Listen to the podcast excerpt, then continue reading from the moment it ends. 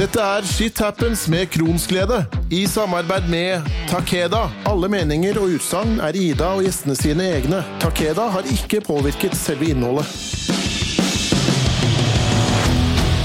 En ny uke er lagt bak oss, og det betyr ny episode med podkast. Jeg tar for meg forskjellige tema i podkasten som vi med IBD ble berørt av. Men innimellom får jeg også gjester som jeg ønsker å høre historien til. Vi bærer alle på en historie som er unik, og som gjør oss til den vi er i dag. Å lytte til historier andre har, kan vi lære utrolig mye av, og i dag har jeg fått med meg ei dame som mange har sett opp til i mange år, og som gikk åpent ut og fortalte om sin historie for noen år siden. Jeg snakker om Silje Nordnes, kjent fra NRK P3, og nå sist som programleder for Maskorama, som tok hele Norge med storm. Hei på deg, Silje, og velkommen! Hei!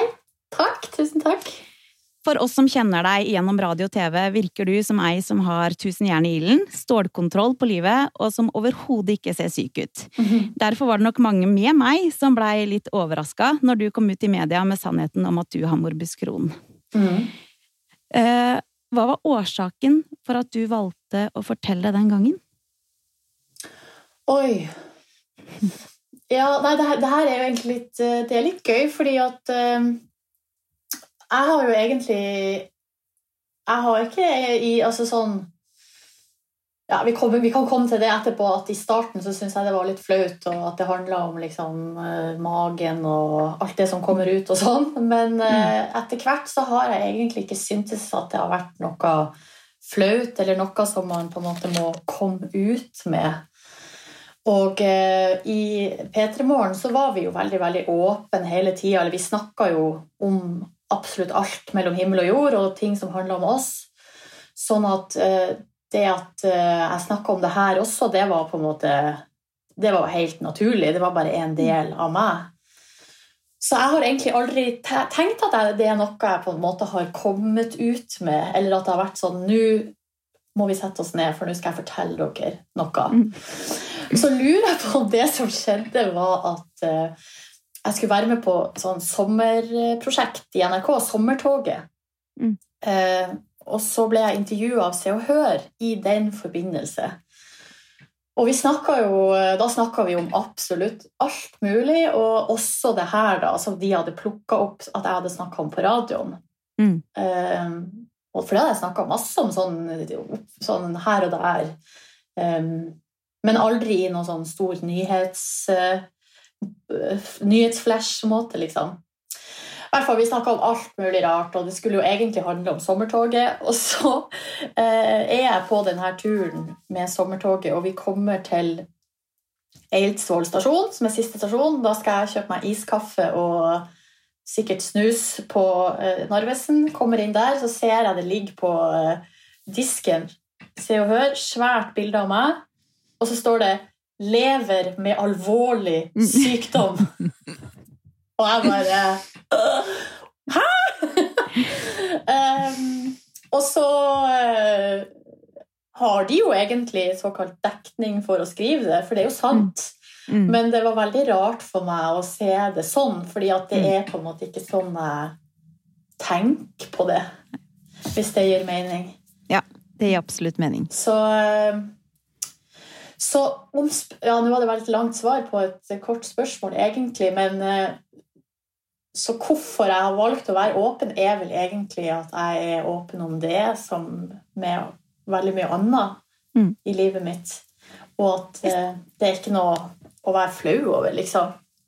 Jeg syns det var et veldig fint svar, jeg. Ja. Um, og jeg tenker at uh, det du sier om at en får litt sånn En kan få litt sånn derre uh, følelsen at oi, det er faktisk en alvorlig sykdom. En tenker ikke over det sjøl, fordi at en lever jo med det, og eh, lever jo relativt greit med det i tider også, og mm. heldigvis for det.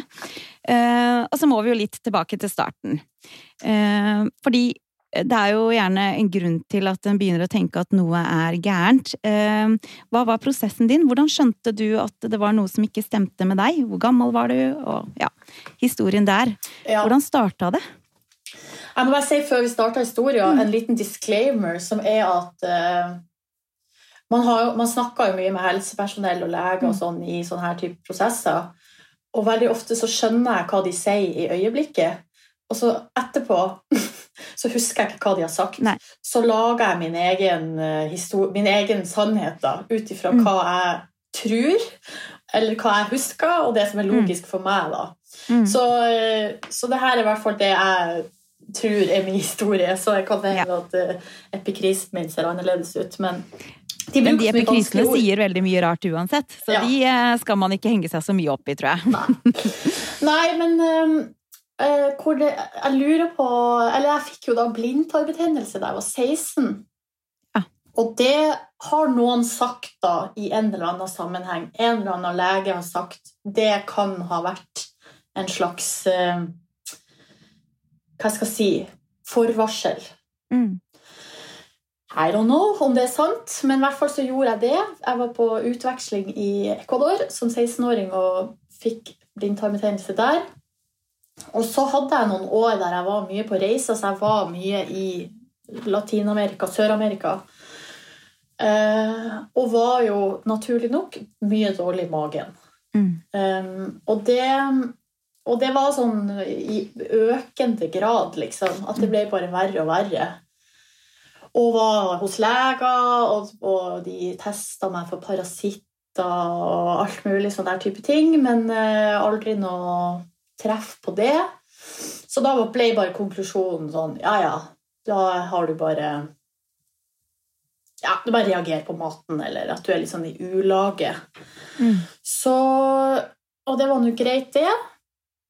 Men så begynte jeg Jeg var student i Volda. Og da er det en periode med um, ja, veldig hektisk, sånn typisk eksamensperiode. Mye festing. eh, Og jeg, jeg var med på revy og sånn ved siden av studiene. Så det var veldig, veldig, veldig, veldig hektisk. Og så får jeg plutselig altså så vondt Altså så vondt i magen. Og jeg spiste kvelden før, så spiste jeg en eh, Altså, jeg spiste biff. Eh, og den var ganske blodig også. Mm. Så jeg har jo på et tidspunkt sagt at jeg, eh, jeg havna på sykehuset av å spise rødt kjøtt, liksom. Så jeg Ja. spiser jo nesten ikke rødt kjøtt. Nei. Fordi det tåler ikke Eller det, ja, jeg tåler ikke det. Litt dårlige minner også, kanskje. Så Ja. Så eh, Og da ble jeg rett og slett innlagt på eh, sykehuset i Volda. Og det var jo helt krise, at jeg skulle jo Jeg, jo, jeg var jo med på eh, Vi hadde jo forestillinger med revyen og sånn, Mm. som jeg gikk glipp av. Og, og var alene der, og, det var, og de stakk meg overalt. og stakk og stakk. Og, de, og det var så ille at eh, jeg skulle jo ta en sånn eh, gastroskopi. Og da hadde de stukket meg så mye i andre plasser at jeg sa at jeg ikke ville ha bedøvelse. Ja. Mm. det var kanskje ikke så lurt. Nei, det var ikke så lurt. Så midt i den undersøkelsen så roper jeg sikkert sånn Gi meg bedøvelse! Er det for seint? Er det for seint? Ja, det var en dårlig idé. Men eh, det var ganske overveldende, så jeg skjønte jo ikke hva det var. Jeg, ble redd, selvfølgelig, og det var vondt. Og det er et eller annet sånn, Hvis man ikke har vært på sykehus før, så er det bare så fjernt, liksom. Mm. Ja, nå kom jeg på en annen opplevelse som også var veldig Egentlig litt komisk, da, men jeg kommer inn der på sykehuset og sitter på mottaket, eller hva det heter. Og så kommer det en sånn turnuslege og skal da ta den her eh, ja, La oss kalle det et intervju, da, før du Mm, skal inn. Mm, ja. uh, Det føles jo ut som det. ja, fylle ut sånn skjema og alt sånn. Uh, og så gjør vi det, og så er han sånn Ja, og så kan vi komme inn på det her rommet og legge det her, og så klemmer han jo litt sånn på magen min og sånn. Og så, så sier han sånn Og så skal jeg bare kjenne litt Mm. oppi Og så var jeg var på det her tidspunktet 24, Mm. eh, og han kan jo da ha vært Altså Hvis han var turnuslege, han kan ha vært 25 eller 26. Mm. Og han syntes det var så fælt. Eller han, og han ble så flau, og det var så ubehagelig. Og så forsvant han ut, og så kom han tilbake med eh, hansker på. Og så var det akkurat som om han liksom sprang fra døra og til meg med fingeren ut, og så bare svopp rett inn, og så ut igjen, og så forsvant han. Altså, han, han klarte ikke å se meg i øynene, liksom. Så lå jeg igjen der sånn å, med rumpa ut, liksom, og i sånn stort, kaldt rom. Og det er jo noe med at kroppen vår er jo eh, privat, eh, og som ung da, så er det jo også noe med at den har kanskje aldri vært på sykehus, vet ikke helt hva, hva som skal foregå, så det, det å plutselig bli syk er jo en stor psykisk påkjenning, og fysisk påkjenning. Mm. Det tar jo litt tid før en får en diagnose. Eh, og de undersøkelsene en må igjennom, er jo ikke akkurat gode. Eh, følte du du fikk god nok eh, informasjon før eh, undersøkelsen ble tatt? Skjønte du hva du gikk til? Både ja og nei, ikke sant? For at eh, det varierer jo litt på, i ubehagelighetsgrad. Mm. Da jeg sa at jeg ikke ville ha bedøvelse på eh, gastroskopien, så ble jeg jo utfordra på det. Eller de sa jo det syns vi kanskje at du burde. Ja. Og så sier jeg ja, men jeg vil ikke at dere skal stikke noe mer i meg. For jeg, jeg vet ikke, Og jeg er egentlig ikke noe redd for sprøyter. Eller, jeg, men jeg, jeg hadde en vennfloen som var så vond, og det var bare Mm. så, alt var så fælt. Mm. Så det var jo en veldig dårlig avgjørelse av meg. Jeg burde jo lytta på dem. da. Så det er jo sånn som jeg har lært etter hvert, at de vet jo best. Mm. Så jeg har jo gjort det der eh, flere ganger, og da har jeg jo sagt gi meg smertestillende og beroligende. Ja, for at eh, en har jo heldigvis den muligheten, og Ja. også nå eh, er det For mange så er ikke det nok, det heller, og da er det også heldigvis blitt mer vanlig med, med narkose, og det er en jo bare kjempeglad for, at man kan kreve narkose hvis man ikke klarer å gjennomføre det. Mm. Eh, Men før en skal gjennom denne her skoperinga, da, så er det jo en tømmingsprosess. Hva syns du er verst? Nei, guri. Nei, fordi greia Nå må vi tilbake til Volda, for der, det har eh, tydeligvis uh, merka meg for livet. Men uh, for at de hadde der, Det er jo forskjellige måter å tømme på. Mm. Så man kan jo ta noe sånn her, bare en sånn liten drikk og noen piller og noe greier. Men min først, mitt første møte med det her var jo at jeg skulle drikke en liter med saltvann. Mm. Og det var nesten det verste. Ja. Å, fy fader, som jeg jobba med det der vannet. Mm. Og så ble jeg også sånn Jeg ble litt i opposisjon. Jeg var sånn Det her Er du sikker på at jeg må ta hele, liksom? Ja. Jeg, bare, jeg vil ikke jeg, Det var så fælt. Um, men jeg må også si at der, det var et øyeblikk på, i den der Det var sånn stue på kirurgisk avdeling der. Det var bare gamle folk der, og meg. Mm.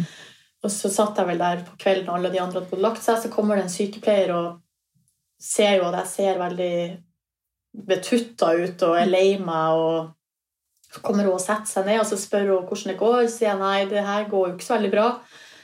Uh, hun sier å, hva er det? Nei, jeg er jo redd, da, selvfølgelig.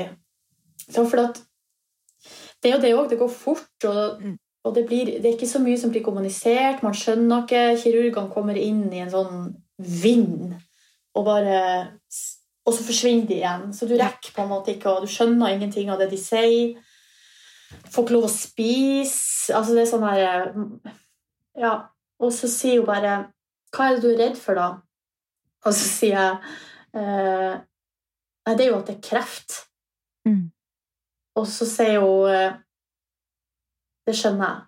Og, men alle er redd for kreft. Men i aller flestparten av tilfellene, i hvert fall på din alder, så er det ikke Mm. det. Mm. Og så var det sånn Ok, greit. Men ja. Eh, Så det husker jeg veldig godt, at det betydde masse. da At det kom Mm. et menneske og satte seg ned og liksom Og det er så så viktig. meg. Ja. Ja. Og det er jo gjerne de sykepleierne som får den oppgaven. Og ofte så er det én person som kan på en måte gjøre en utrygg og vanskelig situasjon til å bli en mer akseptabel situasjon, da. Ja. Men så regner jeg med at du fikk en diagnose etter hvert, og plutselig så satt du der, da. Ja, men det er faktisk det, eller, Det er en historie, det òg. Ja, det er, på, det Ja. er egentlig det. For at i Volda så um, så konkluderte De fant på en måte ikke ut hva det var. Så, så da ble jeg, så jeg ble bare sendt hjem. Mm. Og så, no- så hadde jeg en time med fastlegen en stund etter. Ja, vet du hva, jeg ble faktisk sendt hjem med beskjed om å ta det med ro.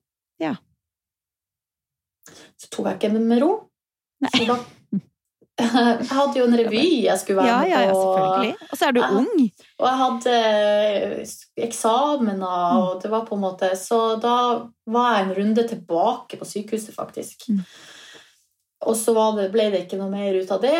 Og så kom jeg til fastlegen, og så, så sier han de finner ikke ut hva det er for noe. Så, så husker jeg jeg spør han, så da skal jeg bare gå og ha det vondt, da. Mm. Og så sier han ja. Noen ganger så er det sånn.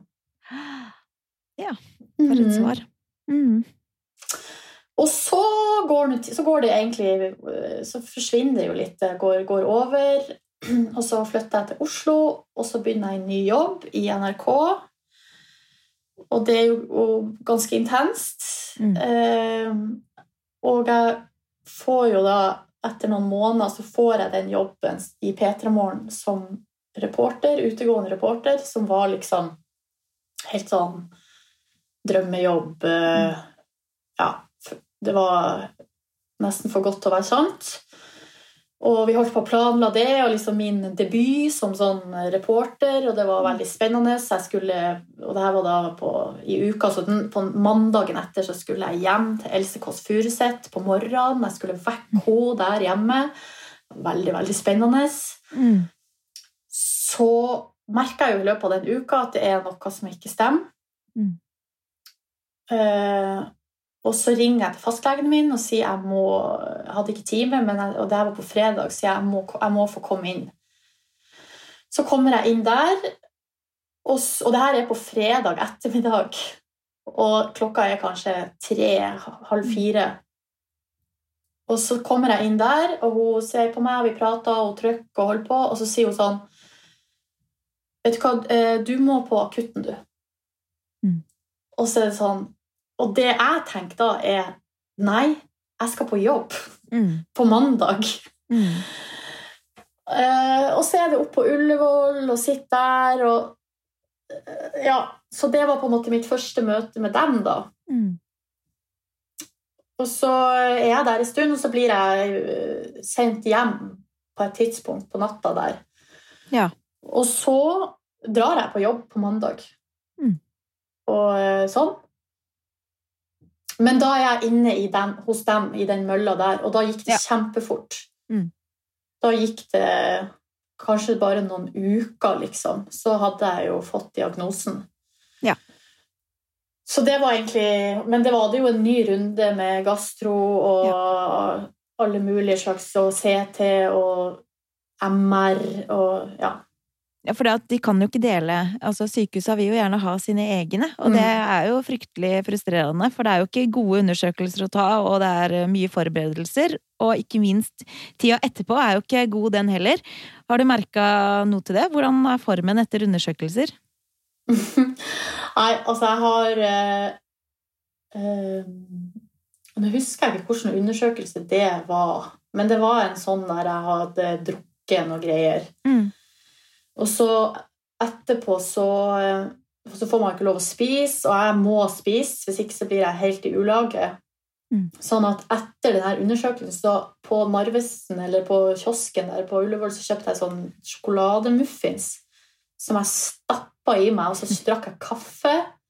Så tar jeg bussen eh, hjem, så kjenner jeg begynner å bli kvalm. Nei, fader, det her er to forskjellige historier. Ok, det her er den ene historien.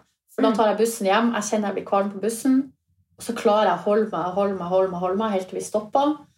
Og jeg går ut, og så er det snø. Altså, det er på vinteren. og så går jeg bortover veien, og så plutselig så bare spyr jeg utover hele veien. Ja. Og så har jeg jo da spist sjokolademuffins og drukket kaffe. Og det så helt jævlig ut. Ja.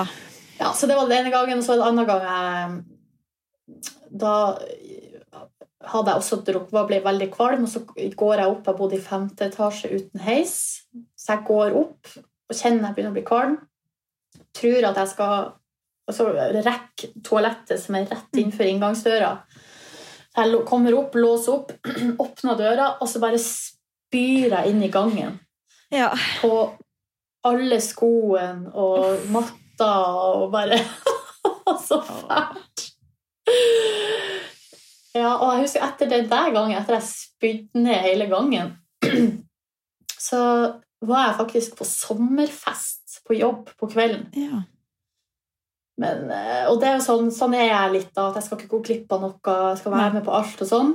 Mm. Eh, Men da var jeg ganske sånn Ja, man er prega, liksom. Mm. Og så har, det, jeg har ikke lyst til å drive og prate om det, og folk er på fest, så skal ikke jeg stå og prate om at jeg ikke føler meg bra, eller Mm. Så Ja, så det var litt sånn dro, ja, Da dro jeg nok hjem litt tidlig. Det ble ikke den Ja. beste festen for min del. Nei, det er jo noe med det. Ja. Og så er det jo sånn at som syk så kommer jo en borti mange situasjoner eh, hvor han må overveie om han skal fortelle om sykdommen eller ikke.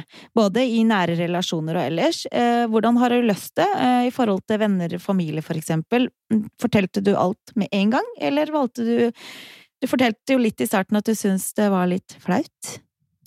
Ja, det var mest det var, det var mest helt, helt i begynnelsen, egentlig. Ja. da var jeg jo eh, Ja, da var jeg jo også litt yngre, og, eh, Mm. og det var helt nytt, sånn at jeg var ikke helt kjent med det sjøl heller. Og da Så da var det litt sånn at hun skulle fortelle til eh, og, og, og kanskje mest kompiser eller gutter, Ja. for at jeg vet ikke de har, Og særlig gutter i den alderen. De er litt sånn der eh, Litt tøff og Så er en redd for at en skal bli eh, erta, mobba Ja. eh, Altså Men så er det jo det er litt som et sånn plaster som man bare må rive av, for at eh, Og så har jeg også liksom Har jeg jo ikke fortalt alt, ikke sant? Jeg kan si ja, det er en eh, betennelsessykdom i fordøyelsessystemet. Eh, Mm. så trenger liksom ikke å fortelle fortelle ikke jeg, hvor ofte jeg må på do, eller eh, altså sånne type detaljer, liksom.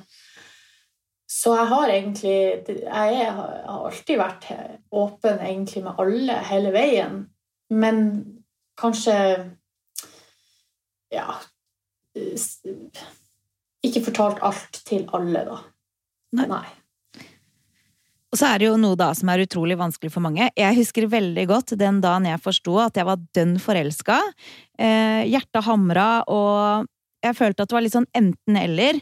Eh, hvordan han takla hemmeligheten, ville jo avgjøre om det ville bli et vi, eller om jeg ville bare fortsette som jeg. Hvordan har du eh, gjort det i forhold til forelskelse? Eh, har du valgt å være åpen der, eller har du på en måte eh, Før eller siden så må man jo si det, men har du valgt å si det tidlig, eller har du valgt å på en måte bare drøye litt og se hvordan ting går? Nei, det har jeg nok vært åpen om ganske tidlig, hvis det har Mm. kommet opp, da. Mm. Og så har jeg aldri tenkt på det som noe som skulle være en deal-breaker, på en måte. Nei. I det Ja, da er du heldig. ja, nei, eh, men det jeg er jo også ganske um, Jeg har jo en mild sykdom. Mm. Og nå har, har jeg jo gått på behandling i ti år. Mm. Så nå er jo min betennelse er jo sovende. Ja. Så det betyr jo at eh, medisinen jeg tar, sånn, er forebyggende, egentlig. Mm. Mm. Så det gjør jo at de konsekvensene det her får for meg, er jo egentlig Egentlig bare at jeg, ja, altså jeg må innom på kontroller og innom Mm. og ta medisin og sånn, og så Og så eh, pass, må jeg passe på hva jeg spiser. Mm. Sånn at, så konsekvensene for meg sånn i livet har jo ikke vært så store. Det, det er når jeg er på ferie og sånn, da Og jeg er jo glad i å reise og sånn. Og særlig når man drar til eh, fjerne himmelstrøk, så er det Mm. alltid spennende. Ja. Det er en uh, rulett hvordan det skal Det gå. kan jeg tenke meg. Ja. Ja. Og det har vært noen ganger at det har vært skikkelig ille. Men samtidig så er det et eller annet med at jeg er så vant til det Ja. at det koster meg jo Det koster meg så lite å gå på do, eksempel. Eller sånn. Ja. Det bare Ja. Heller det enn Ja. å ikke få dratt på den turen, regner jeg med? Ja, ja, ja. Ja. Ja, Og da kan jeg også noen ganger litt sånn på, på trass være sånn Jeg skal spise alt. Ja. Alt som eh, kommer min vei. Og så er det noen ting jeg holder meg unna. Så jeg vet Ja. at da, ja. Men at på en måte prøve at det ikke skal legge bånd på meg. da. Det husker jeg, jeg har en venninne som som hun har hatt Crohns. Hun har faktisk blitt friskmeldt. Ja. Men hun var veldig alvorlig ramma da hun var ung, da hun var barn, og i tenårene og tidlig voksen.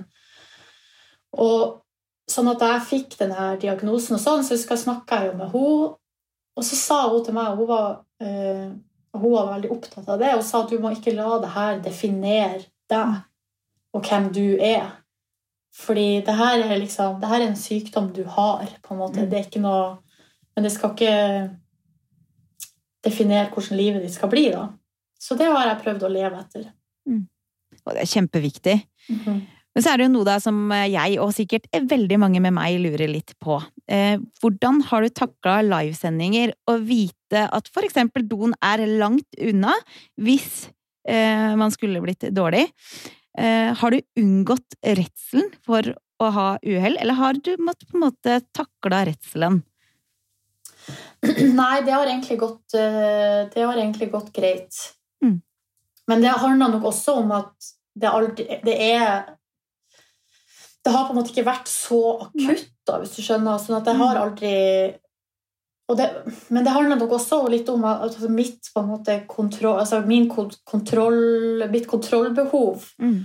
Eh, og hvor godt jeg kjenner kroppen min. Så det handler jo om at jeg vet når jeg spiser, Ja. hvordan det Mm. eh, hvordan kroppen reagerer, Mm. og at med de rutinene som jeg da har laga meg, Mm. Så vet jeg at da klarer jeg å unngå det. Så de Og en blir jo god på det. Ja, man gjør jo det, og man Mm. lærer seg å kjenne sin egen kropp. Så det, har, det har på en måte aldri skjedd noe uhell. Og de gangene det har vært nært, så har det vært Men da, da er jeg liksom på en buss i Ecuador, Mm. Ja. og, er, og da er det sånn Ja. Og da Og man også har spist masse rar mat, og, Mm. Og det, man vet ikke hvor lenge den bussturen varer, og da kjenner jeg det, liksom. Ja. Mm. Så jeg merker jeg er jo sånn at jeg orienterer meg Jeg vil jo helst ikke ta en buss som det ikke er do på. Nei, det, den følger jeg deg jo Ja. veldig. Jeg har jo selv vært åpen om busshendelse, så det, det er ikke gøy. Nei. Når du valgte å være åpen om sykdommen din, eller valgte og valgte, når det skjedde, eh, at du plutselig, at hele Norge fikk vite om sykdommen din, fikk du mange tilbakemeldinger? Var det mange som tok kontakt med deg da? Ja, Ikke så veldig mange, men de som har vært, har vært litt sånn uh... Ja, det har jo på en måte liksom overraska meg litt. Litt fordi på grunn av min egen, altså mitt eget forhold til min sykdom, Mm. som har vært ganske sånn uproblematisk, egentlig. Men at jeg plutselig har fått noen ja, meldinger og mailer fra folk som er veldig, veldig takknemlige. Mm. Og og så er jeg på festival en gang på Slottsfjell, og da kommer det liksom ei jente bort og vil bare sånn si liksom takk. Mm. Og, eh, og det var, liksom, det var jo en spesiell, spesiell opplevelse fordi Litt fordi at jeg sjøl ikke har tenkt at det her er noe som man ikke er åpen om, på et Mm. vis. Mm. Så, um, så Men derfor så er jeg men, men det er jo liksom Det er jo derfor vi Sånn som vi jobba i, i P3 Morgen, da Det var jo en Det var en grunnpilar vi hadde i det programmet, var at vi skulle være åpne om absolutt Mm. alt. Mm. Litt fordi at man vet at folk har, det er så mye forskjellig. Folk Ja. sitter og skammer seg over er rundt omkring. Ja. Som er helt eh, Ja, som det, det er bare det, det, det er dumt. Mm. Lite konstruktivt. Ja. Ja.